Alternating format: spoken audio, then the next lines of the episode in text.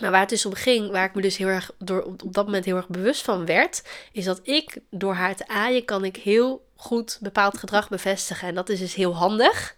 Ehm, maar het kan dus ook in je nadeel werken als je, als je het niet doorhebt. Dus dan aai je je hond gewoon omdat je, omdat je hem lief vindt.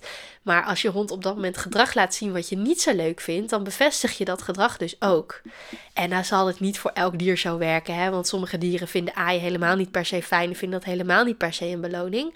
Ehm, hè, dus je moet gewoon hierin geldt gewoon van doe ermee wat je ermee wil doen. En kijk of het of, of, of voor jou en voor je dier van toepassing is. Weet je wel, het hoeft niet per se voor jouw dier zo te zijn. Ehm, maar het kan wel zijn dat dit invloed heeft. Dus wees je daarvan bewust. Hey, ik ben Ankie en dit is de In Verbinding met Je Dier podcast. Leuk dat je luistert. Ja, hallo allemaal en welkom bij weer een nieuwe aflevering van de In Verbinding met Je Dier podcast. Vandaag wil ik het uh, met jullie hebben over een interessant onderwerp. Over een onderwerp waar ik de laatste dagen zelf heel veel mee bezig ben geweest. um, maar ook waarvan ik denk dat het voor jullie ook wel heel interessant is om hier eens naar te gaan kijken. En waar heb ik het dan over? Dan heb ik het over wat heb jij je dier onbewust, onbedoeld, per ongeluk aangeleerd. Uh, ik merk het nu ik uh, dus mijn, uh, mijn hond heb gekregen, mijn hond in huis heb. Ze is hier nu, nu ik deze podcast opneem, is ze hier een paar dagen. Um, en ja, het staat, we zijn nu gewoon heel erg bezig met, nou ja, niet continu, maar wel gewoon vaak veel momenten op de dag.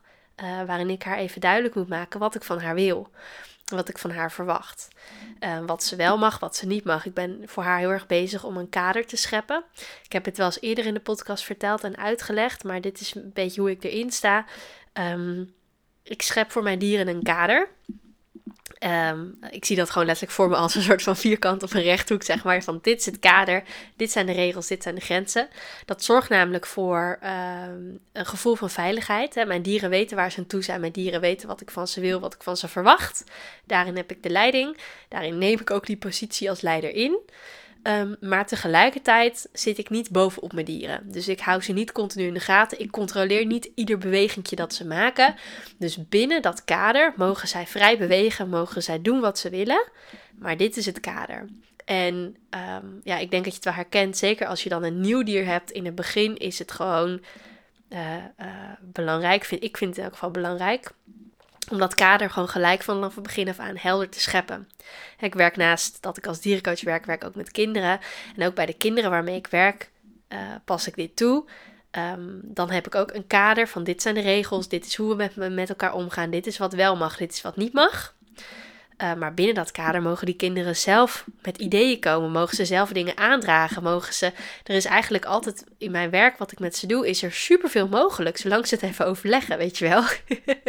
dus er kan heel veel, er mag ook heel veel, maar er is wel een kader. En dat kader, dat is die buitenste lijn. En dat is gewoon een heel helder kader. Ik heb. Uh, in de afgelopen jaren daarin ook heel erg geleerd om grenzen aan te geven. Zowel naar kinderen als naar volwassenen als uh, naar dieren. Um, vroeger dacht ik altijd als ik mijn grens aangaf, van, vond ik dat lastig. Want dan was ik een beetje bang dat mensen dat niet leuk zouden vinden. Hè, als ik zou zeggen, hé hey, dat mag niet of dat kan niet. Als mensen nee te horen zouden krijgen. Inmiddels ben ik daar, um, ja, wat, wat is het voor mij makkelijker geworden. Omdat ik weet dat op het moment dat ik een nee geef en iemand vindt dat niet leuk, dan zegt dat iets over die persoon en niets over mij. Uh, en daarbij merk ik gewoon hoe goed zowel mensen als dieren het doen. Als ze weten waar ze aan toe zijn, als ze weten van wat er van ze verwacht wordt, als ze, als ze die grenzen zien, als ze die grenzen krijgen, als dat duidelijk wordt gecommuniceerd. En het hoeft dus niet, niet met een emotionele lading, dus niet boos of geïrriteerd, maar gewoon rustig, neutraal, maar wel heel duidelijk van dit is hoe we het gaan doen. En dat doe ik dus zowel bij mijn dieren als uh, um, bij kinderen waar ik mee werk. En ik merk gewoon hoe goed daarop gereageerd wordt. In de zin van dat het voor heel veel mensen en heel veel dieren gewoon ontzettend veel rust oplevert. Het is gewoon heel fijn als jij weet wat er van je verwacht wordt. En zeker nu voor Maya. Ze is hier een paar dagen, hè, mijn hond. Um, ze heeft gewoon ze moet hier wennen. Ze heeft nu bij mij in één keer een heel ander leven gekregen. Ze is helemaal verhuisd. Ze woont op een andere plek met een ander baasje. Met andere dieren, met andere prikkels, met andere omgeving. Uh, ja, zij doet gewoon haar best. Ze doet wat ze doet. Ze doet wat zij denkt dat het beste is. En heel vaak doet ze dat heel goed. En soms doet ze iets waarvan ik denk, ah, vind ik iets minder. Of vind ik gewoon niet zo handig. En dan geef ik het aan. En dan vertel ik haar ook wat ik wel van haar wil. Dus dat is altijd als ik een grens aangeef, zeg ik, hey, dat doen we niet. Dit mag wel. Ehm, en dan is, het, dan is het gewoon helder, is het duidelijk. En ik merk gewoon dat ze daar ontzettend goed op reageert. Ik kan wel een voorbeeld geven. Maya vindt mijn bed uh, een fantastische fijne plek. en dat snap ik, want ik heb een heel fijn bed. Maar uh, ik wil niet dat ze mij in bed ligt. Zij heeft wel een mand naast mijn bed. Dus op het moment dat ze op mijn bed springt, ze heeft het nu een paar keer geprobeerd, hè, dat ze even op mijn bed sprong en ook gewoon keek hoe ik reageerde. En gewoon keek van mag dit of mag dit niet. En dan zei ik, Maya, kom eraf. Hier staat je mand die is voor jou, daar mag je wel liggen. En dat gaat eigenlijk heel goed. Ehm, maar goed, dat is eigenlijk niet eens per se waar. Ik bedoel, dit hele stuk over grenzen aangeven en dat kader scheppen is ehm, super interessant. En daar zou ik zo nog een uur over door kunnen praten. Maar dat is niet hetgene waar ik de aflevering van vandaag uh, over wil maken van de podcast. Ik wil dus vandaag hebben over de dingen die je dier onbedoeld per ongeluk aanleert. Uh, maar hoe kwam ik dan over? Waarom begon ik dan over grenzen aangeven? Oh ja, ik weet het weer. Ik begon daarover omdat ik natuurlijk nu met Maya er heel erg mee bezig ben om dat kader te scheppen. En aan te geven wat ik wel van haar wil en wat ik niet van haar wil. En ik word daardoor nu ook van bewust dat zij heel erg naar mij kijkt en naar mijn gedrag kijkt. Om te achterhalen wat ik van haar wil, wat ik van haar verwacht en of ze iets wel of niet mag doen. Zij kijkt heel erg naar mijn reactie. En met mijn uh, reactie kan ik haar dus heel goed duidelijk maken wat ik wel en niet van haar wil. Maar ik ben me er ook van bewust geworden dat ik haar dus soms per ongeluk onbewust ook dingen zou kunnen aanleren die ik niet wil. Uh, en daar ontstaan dan soms wat misverstanden. Want soms denkt een dier dus dat wij dat juist wel van hem willen, terwijl we het niet willen. Ik kan wel een voorbeeld geven. Uh, Maya die vindt mijn konijnen heel interessant. ze vindt ze, ze, ze uh, doet, ze doet ze geen kwaad. Ze is echt het een hele lieve hond, heel zachtaardig ook. Uh, maar op het moment dat ik naar buiten ga, naar mijn tuin, naar mijn konijnen, ik ga ze bijvoorbeeld voeren, dan loopt zij met me mee en dan wordt ze helemaal enthousiast. Dan ziet ze de konijnen, ruikt ze de konijnen. De konijnen rennen dan soms ook, want die schrikken van haar. Uh, en dan is ze, wordt ze helemaal druk en onrustig en dan begint ze te piepen. Ze gaat verder niet achteraan, maar ze is wel gewoon onrustig rondom die konijnen. De konijnen vinden dat niet fijn, die schrikken daarvan, die gaan rennen. Waardoor Maya natuurlijk ook weer nog onrustiger wordt, want die ziet beweging. dus dat werkt op elkaar in, zeg maar. En ik wil Maya leren dat ze rustig is bij de konijnen. En dan zijn we dus mee aan het oefenen. Een paar keer per dag gaan we even bij de konijnen kijken. En dat gaat ontzettend goed. Maar wat is het punt is, ik ben me ervan bewust dat ik hier een hele cruciale rol in heb. Um, in haar aanleren wat ik van haar wil. Namelijk dat ze rondom de konijnen rustig is. Of eigenlijk het liefst dat ze de konijnen gewoon lekker met rust laat. Dat ze negeert. Ehm, en het is heel erg belangrijk wat ik daarin doe.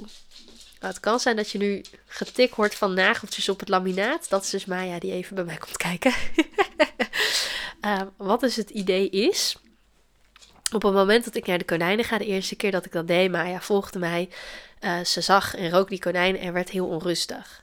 En ik was de konijnen aan het voeren en ik ging gewoon door met wat ik aan het doen was. Dus ik was niet met Maya bezig. Ik was gewoon met konijnen bezig. Ik was gewoon wat handelingen aan het doen. Ik gaf ze brokjes, ik gaf ze hooi, ik gaf ze groenten, ik gaf ze water. Ik heb dan altijd zo'n standaard uh, ritueeltje, zeg maar, met mijn konijnen. En ik dacht, nou, Maya is onrustig, maar ik besteed er gewoon geen aandacht aan. Dan wordt ze vanzelf alweer rustig. Maar ik merkte dat hoe meer ik deed en hoe meer beweging er was en hoe meer ik doorging, zij onrustiger werd. En toen besefte ik me dat op het moment dat zij onrustig is en ik ga door, dan wordt zij niet gecorrigeerd in, in haar onrust. Dus die onrust die neemt alleen maar toe, want die konijnen blijven bewegen en daar, daar is van alles aan prikkels. Dus zij blijft dan onrustig. in haar hoofd blijft ze onrustig. Hè. Ze, ze kan er dan ook gewoon uiterlijk aan, aan haar buitenkant, zeg maar. Dan kan je nog denken, oh nou, ze zit daar toch te kijken, dus hoezo is ze heel onrustig. Maar ik merkte dat ze mentaal er wel heel onrustig van werd en dat uit zij dan door te gaan piepen. Dus wat ik dus de afgelopen dagen ben gaan doen, is dat elke keer als ik naar de konijnen ging, dat ziet mij al, want dan doe ik de deur open, dan trek ik mijn klompen aan. En van die klompen bij de achterdeur staan die ik alleen gebruik om de tuin in te lopen, zeg maar. En dan pakte ik, een, uh, uh, pakte ik hooi en dan pakte ik brokjes en dan pakte ik water en uh, dat soort dingen. Dus zij zag het al precies aan mij. En wat ze dan ging doen, dan zat ze helemaal bij de deur. En zodra ik de deur dan opende, dan sprintte ze naar buiten, hup, op die konijnen af. Dus dat was heel veel onrust voor haar. Dus wat ik ben gaan doen, ik ben gewoon alle handelingen stap voor stap, heel rustig gaan doen. En elke keer pas een volgende handeling als zij rustig is. Dus op het moment dat ik naar de deur loop en ik trek mijn klomp aan en zij komt op die deur afgerend, ja prima, mag ze doen. Dan ga ik wachten tot ze rustig wordt. Tot ze afstand neemt van de deur, want zij staat gelijk bij die deur. Meestal gaat ze dan ook even zitten. En dan wacht ik nog even, want vaak is ze dan. ik, merk, ik merk aan haar dat ze dan. zit ze wel rustig, maar ze is in haar hoofd nog niet helemaal rustig. Ze is met haar aandacht ook nog, dan nog niet bij mij. Dan wacht ik. Dan doe ik de deur open. Dan moet ze nog blijven zitten. En als ik dan zeg oké, dan mag ze naar buiten. Zijn we buiten, gaat ze eerst bij de konijnen kijken. Is ze weer even onrustig, hè? dan loopt die spanning bij haar een beetje op.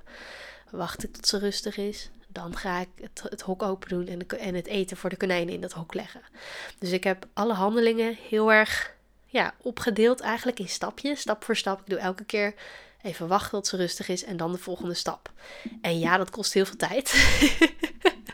uh, een activiteit zoals de konijnen voeren, wat ik normaal in twee minuten zou doen, kost nu misschien wel tien minuten. Maar ik merk, ik doe dit nu een paar dagen achter elkaar heb ik dit gedaan. En ik merk zo'n enorm verschil bij Maya in haar gedrag. En ik weet zeker dat als ik dit niet zou doen en ik zou gewoon doorgaan, ik zou Maya negeren en gewoon lekker mijn eigen ding doen. Wat er dan gebeurt is dat Maya uh, uh, raakt opgewonden, raakt wel gespannen. Uh, wordt helemaal een beetje druk in haar hoofd. Nou, wordt steeds drukker en drukker en drukker. En ik las geen pauzes voor haar in. Dus ze gaat maar door, maar door, maar door, maar door. Totdat ze op een gegeven moment op die konijnen afrent. Of gaat blaffen naar de konijnen. Of helemaal druk doet, want die spanning moet eruit. En dan denk ik, ja, ho, dit wil ik niet. En, dan, en als ik dan ingrijp, dat is prima. Maar dan stap ik later in. Ehm, en dan is mijn effect gewoon veel minder. Dan kan ik er minder bereiken. En dat geldt niet alleen voor haar, dat geldt voor alle dieren. Ehm, als die spanning heel hoog zit, dan kom je gewoon minder binnen. Ik heb dat ook bij mijn paard gezien bijvoorbeeld. Als zij heel gespannen is, uh, ja, hoe eerder ik voor haar uh, een pauze kan inlassen, hoe, hoe eerder zij weer terug kan gaan naar die rust, hoe beter onze verbinding blijft. Op het moment dat zij echt, echt heel gespannen is, en dat komt dus nu niet vaak meer voor, omdat ik ook bij haar er heel bewust mee bezig ben. Maar ik weet nog in het begin, toen ik haar net had, herkende ik het nog ook niet altijd gelijk als ze gespannen werd. Want in het begin zie, laat een dier dat eigenlijk bijna niet zien, of laat een dier alleen hele kleine, subtiele signaaltjes zien. En die ga je naarmate je dier beter kent en je er meer op let, ga je dat makkelijker herkennen. Maar in het begin herkende ik dat toch niet zo. Um, en herkende ik het pas als ze echt heel gespannen werd. Als ze echt haar hoofd omhoog deed. En helemaal zo in de, in de verte ging staren. En uh, helemaal op de plaats begon te dribbelen. Omdat ze van de, van de spanning niet meer stil kon staan. En weet je wel, dat soort dingen. Uh, terwijl nu zie ik het aan hele kleine signaaltjes. Zie ik en voel ik het ook bij haar als die spanning begint toe te nemen. En dan kan ik gewoon heel rustig zeggen: Oké, Anka, weet je, dan gaan we gewoon even stilstaan. Neem even pauze. Kijk even rustig. Zak weer in die spanning. Hè, ontspan weer wat meer. En dan gaan we verder. Dus die rust is heel belangrijk. En ja, wat ik dus net zei, het kost veel meer tijd om op deze manier te doen. Maar het is ook veel duurzamer. Want ik weet gewoon dat als ik Maya nu, nu in het begin gelijk aanleer om rustig te zijn bij de konijnen. Ja, daar heb ik ik bedoel, als het goed is, Maya is drie jaar. Uh, hopelijk leeft ze nog minstens tien jaar bij mij. Daar ga ik nog tien jaar profijt van hebben. en mijn konijnen ook, want die hoeven dan niet meer te schrikken van een drukke hond. En dat is ook met Anka. Hopelijk heb ik Anka nog, nog tien jaar of langer. Ze is uh, 18. Uh, dus ik hoop dat ze minstens, minstens 30... Ik, vind, ik wil gewoon dat ze minstens 30 wordt bij mij. Dat hoop ik. Dus dan heb ik er gewoon nog meer dan tien jaar. Dus als ik het nu met haar uh, dat rustig oefenen, dan is dat een basis, is dat een gewoonte. En daar hebben we voor, voor, de, voor, de, voor jaren nog profijt van. Sterker nog, bij Anka is het al zo, is een basis geworden. Terwijl ik dat zeg, bedenk ik me dat. Um, dat ik heb Anka heel erg aangeleerd dat op het moment dat zij iets ziet wat ze spannend vindt, of waar ze dus eerder van zou schrikken, dat ze dan uh, stil gaat staan en dat ze dan met haar aandacht bij mij komt ik werk, ik train ook met haar met voerbeloning. Dus op het moment dat ze dan met haar aandacht bij mij komt, naar mij kijkt, even met haar neus bij mij komt, dan krijgt ze van mij ook gewoon een voerbeloning. Uh, en dat heb ik inmiddels zo vaak met haar gedaan, zo vaak herhaald, dat het, een, het is voor haar gewoonte geworden. Dus op het moment dat zij iets spannend vindt, gaat ze stilstaan in plaats van lopen of weglopen. En dan draait ze zich naar mij toe van, uh, komt ze even bij mij checken van, is het oké? En dan natuurlijk krijgt ze ook een beloning ervoor. Uh, maar ik vind dat een heel fijn idee, omdat ik dan weet van, oh ja, dan kan ik even kijken van, is het veilig of niet? En hoe gaan we dit aanpakken? Hoe gaan we, gaan we hier langs of gaan we terug? Of wat, wat, hè, wat gaan we doen? En ik kan dan bewust mijn reactie kiezen, um, waardoor, en dat heeft heel veel invloed op Anka. Mijn reactie op een prikkel heeft heel veel invloed op wat zij ermee gaat doen. Hè, dieren kijken daarin heel vaak naar ons. Dus uh, wat dat betreft, als je het vanuit die, vanuit deze oog, vanuit dit oogpunt, vanuit deze visie naar een situatie kijkt waar jij met je dier tegenaan loopt, dan zal je dus merken dat je meer, vaak wat meer invloed hebt op de situatie dan dat je vermoedt, dan dat je denkt. En dat je dus ook met jouw gedrag uh, heel goed uh, bepaald gedrag kunt bevestigen van je dier of bepaald gedrag juist kunt. Um, ja, wat is tegenovergestelde van bevestigen? dat je bepaald gedrag ook dus heel goed kunt uh, laat uitdoven. Um, en soms kan negeren dus heel goed en heel effectief zijn. Om even je dier gewoon even te, even te laten voor wat het is. Uh, maar in sommige gevallen, als de, de, de opwinding of de spanning alleen maar toeneemt, dan is negeren soms niet voldoende. En dan kan het dus ook zijn dat op het moment dat je dan je dier negeert, als, dat, als ik Maya negeer, terwijl zij heel druk doet bij de konijnen en ik ga door met mijn eigen ding, dan wordt ze alleen maar drukker.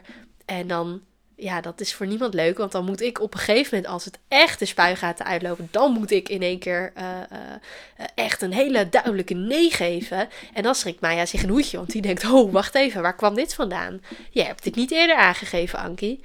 Dus het is veel, wat mij betreft, veel fijner om op tijd die grens rustig aan te geven. Want als je te lang wacht, dan stapelt bij jou de irritatie. En als je dan je grens aangeeft, dan kan het in één keer heel boos of heel bot eruit komen. Terwijl je het misschien helemaal niet zo bedoelt. Dus uh, dat, dat kan ik wel uit eigen ervaring zeggen. uh, dus dat is gewoon even een, tip van mij, zeg maar. Um, en wat ook wel mooi is, wat ik jullie ook wil meegeven, uh, ook iets waar ik me dus de afgelopen dagen heel erg bewust van ben geworden, is dat je met uh, je dier aandacht geven en met je dier aaien ook heel veel kunt bevestigen. Maar dus ook soms per ongeluk bepaald gedrag bevestigt. Of uh, als jouw dier heel druk is en jij gaat hem dan aaien en aanhalen, dan kan het zomaar zijn dat jouw dier denkt: Oh, dit is blijkbaar heel goed dat ik zo druk doe of dat ik zoveel, dat ik zo gespannen doe. Ik, heb dat, ik had dat met Maya toen ik haar ging ophalen. Uh, was ze gewoon in de auto, de eerste stuk van de rit, was een lange rit, was ze onrustig. En toen merkte ik dat ze wat rustiger werd toen ik haar ging aaien. Um, dus dat hielp op dat moment. En zij zat naast mij op de stoel naast me in de auto en ik aaide daar uh, om haar een beetje te kalmeren. Nou, in, in de basis, in eerste instantie werkte dat heel goed, maar ik merkte ook dat zodra ik mijn hand weghaalde, omdat ik mijn auto moest besturen, dat zij dan uh, weer onrustig werd en dat ze dan probeerde om bij mij op schoot te klimmen, wat niet ging, want ze zat vast met zo'n gordelachtig ding. Dat was trouwens heel fijn, want als een uh, ze is klein, maar ze is best wel zwaar. En als zij op mijn schoot klimt terwijl ik mijn auto moet besturen, dan kan ik mijn auto niet goed besturen. Dus ik was blij dat ze vast had, dat ze niet op mijn schoot kon klimmen. Maar goed, dat ging ze wel proberen. Uh, en ze probeerde dan steeds mijn hand uh, terug te krijgen. Dus dan deze gewoon met haar neus echt onder mijn hand duwen van ai verder, ai verder. Uh, dus wat ik toen ben gaan doen, is dat ik haar niet ben gaan aaien. Dat ik heb gewacht totdat ze dan weer rustig op die stoel ging zitten. En dan aaide ik van, hey, goed zo. Ik heb liever dat jij op je stoel zit dan dat jij uit die stoel probeert te klimmen en heel onrustig doet. En dan aaide ik even. En dan, en dan stopte ik weer met aaien. En dan ging ze liggen. En dan aaide ik weer. Dus met het aaien kon ik haar heel goed duidelijk maken van... ik wil dat je rustig op je stoel ligt. En gewoon ontspannen. Dus zo kon ik dat dan even belonen met aaien. En dan ging ik gewoon weer, concentreerde ik me weer op de weg. Concentreerde me sowieso op de weg hoor, maar het lukte me vrij goed om rustig mijn auto te besturen en met één hand af en toe uh, mijn hond te aaien. Um, maar waar het dus om ging, waar ik me dus heel erg door op dat moment heel erg bewust van werd, is dat ik door haar te aaien kan ik heel goed bepaald gedrag bevestigen. En dat is dus heel handig. Um, maar het kan dus ook in je nadeel werken als je, als je het niet doorhebt. Dus dan aai je je hond gewoon omdat je, omdat je hem lief vindt. Maar als je hond op dat moment gedrag laat zien wat je niet zo leuk vindt, dan bevestig je dat gedrag dus ook. En dan zal het niet voor elk dier zo werken. Hè? Want sommige dieren vinden aaien helemaal niet per se fijn. En vinden dat helemaal niet per se een beloning. Um, hè, dus je moet gewoon hierin geldt gewoon van doe ermee wat je ermee wil doen. En kijk of het of, of, voor jou en voor je dier van toepassing is. Weet je wel, het hoeft niet per se voor jouw dier zo te zijn. Ehm, maar het kan wel zijn dat dit invloed heeft. Dus wees je daarvan bewust. Dat is een beetje hetzelfde als de woorden die je kiest. Hè? Mensen kunnen soms met een echt zo'n heel hoog stemmetje tegen hun dier praten. Van, oh, ben je zo lief? Oh, ga je lekker mee? Oh, eh, zo. En uh, ja, sommige dieren die hebben er niks van. Andere dieren kunnen daar enorm druk van worden. Hè, als jij met je hond gaat lopen en jij gaat helemaal zeggen, ja, ja, kom maar, kom maar, kom maar, kom maar, kom maar. En je bent helemaal met zo'n hoog stemmetje helemaal, oeh, helemaal druk, helemaal, helemaal hyper de piepstand, zeg maar. Als je dan met je hond gaat lopen en je gaat naar buiten, dan springt jouw hond de deur uit. Uh, en dat is prima als jij het oké vindt dat hij, dat hij zo onrustig en zo, zo druk doet. Maar als, die, als jouw hond dan vervolgens helemaal druk is en helemaal overprikkeld raakt en, en uh, uitvalt naar de eerstvolgende hond die die tegenkomt, ja, dan moet je dat niet gek vinden. en dat is niet een verwijt of zo, maar ik zie gewoon dat heel vaak mensen zelf heel veel invloed hebben op de gemoedstoestand van hun dier. En vervolgens wordt dat dier steeds drukker en drukker en drukker. En gaat dat dier gedrag laten zien wat we niet leuk vinden. En dan worden we boos. Of dan worden we ongeduldig. Of dan zeggen we, nou, uh, wat, nou wat, waarom doe je dat nou? Ik, nou, ik snap er niks van. Waarom doe je dat nou? En dan denk ik bij mezelf, joh, jongens, sorry. Maar hier ben je zelf bij. Hier heb je zelf heel veel invloed op. En niet volledige invloed. Hè? Ik sprak laatst iemand die zei van, ja, mijn hond valt uit naar andere honden. En ja, ik, ik weet gewoon niet wat ik verkeerd doe. Ik weet gewoon niet wat ik verkeerd doe. En uiteindelijk, ik ging met haar in gesprek. En uiteindelijk was de hele conclusie van het gesprek. Je hebt niet voor 100% invloed op je dier. Je hebt dus, nou, wat ik dus nu in de aflevering al heb geschetst. Je hebt heel veel invloed op de, op de band met je dier. Je hebt heel veel invloed op het gedrag van je dier. Met jouw houding, met de woorden die, jou, met de woorden die jij gebruikt, met jouw energie. Met of je je hond wel of niet aait. En dat geldt trouwens niet voor honden. Kan ook voor paarden en katten en andere dieren gelden. Maar jij hebt heel veel invloed. Tegelijkertijd is je dier ook een eigen individu met een eigen karakter, met een eigen verleden, met eigen eerdere ervaringen, met eigen trauma's of juist geen trauma's. Ja, met eigen voorkeuren, met dingen die hij vervelend vindt, dingen die hij leuk vindt. Je dier is ook een eigen individu, een eigen persoonlijkheid. En je hebt dus heel veel invloed op je dier, maar niet voor, voor de volle 100%. Als jij echt volledige invloed zou hebben op je dier voor 100%, dan zou je dier een soort van robot zijn, zonder persoonlijkheid, zonder eigen wil, zonder eigen mening. En dat is niet zo. Hè, er zijn gewoon mensen die dat helaas nog niet doorhebben. Dat dieren ook een eigen voorkeur hebben. Dat dieren ook een eigen persoonlijkheid hebben. Dat dieren ook een eigen mening hebben. Maar dieren hebben daadwerkelijk wel een mening niet alle dieren krijgen de kans om die mening te uiten. En niet, niet iedereen luistert ook naar al die dieren. Maar uh, ja, hopelijk breng ik daar onder andere met deze podcast een beetje verandering in. Of een beetje meer bewustzijn in onder de mensen. Maar waar het dus om gaat is dat uh, je hebt niet volledig invloed op je dier. Maar het is ook niet zo dat je geen invloed hebt. Het zit in het midden. Ehm, ik denk dat het zo 50-50 is. Dus dat je 50% invloed hebt op je dier. En dat de andere 50% dus heel erg wordt bepaald door het instinct van je dier. Door de emoties van je dier. Door het gedrag, het gedrag van je dier. Uh, door de eigen persoonlijkheid van je dier. Ja, wat ik net al een beetje uitlegde.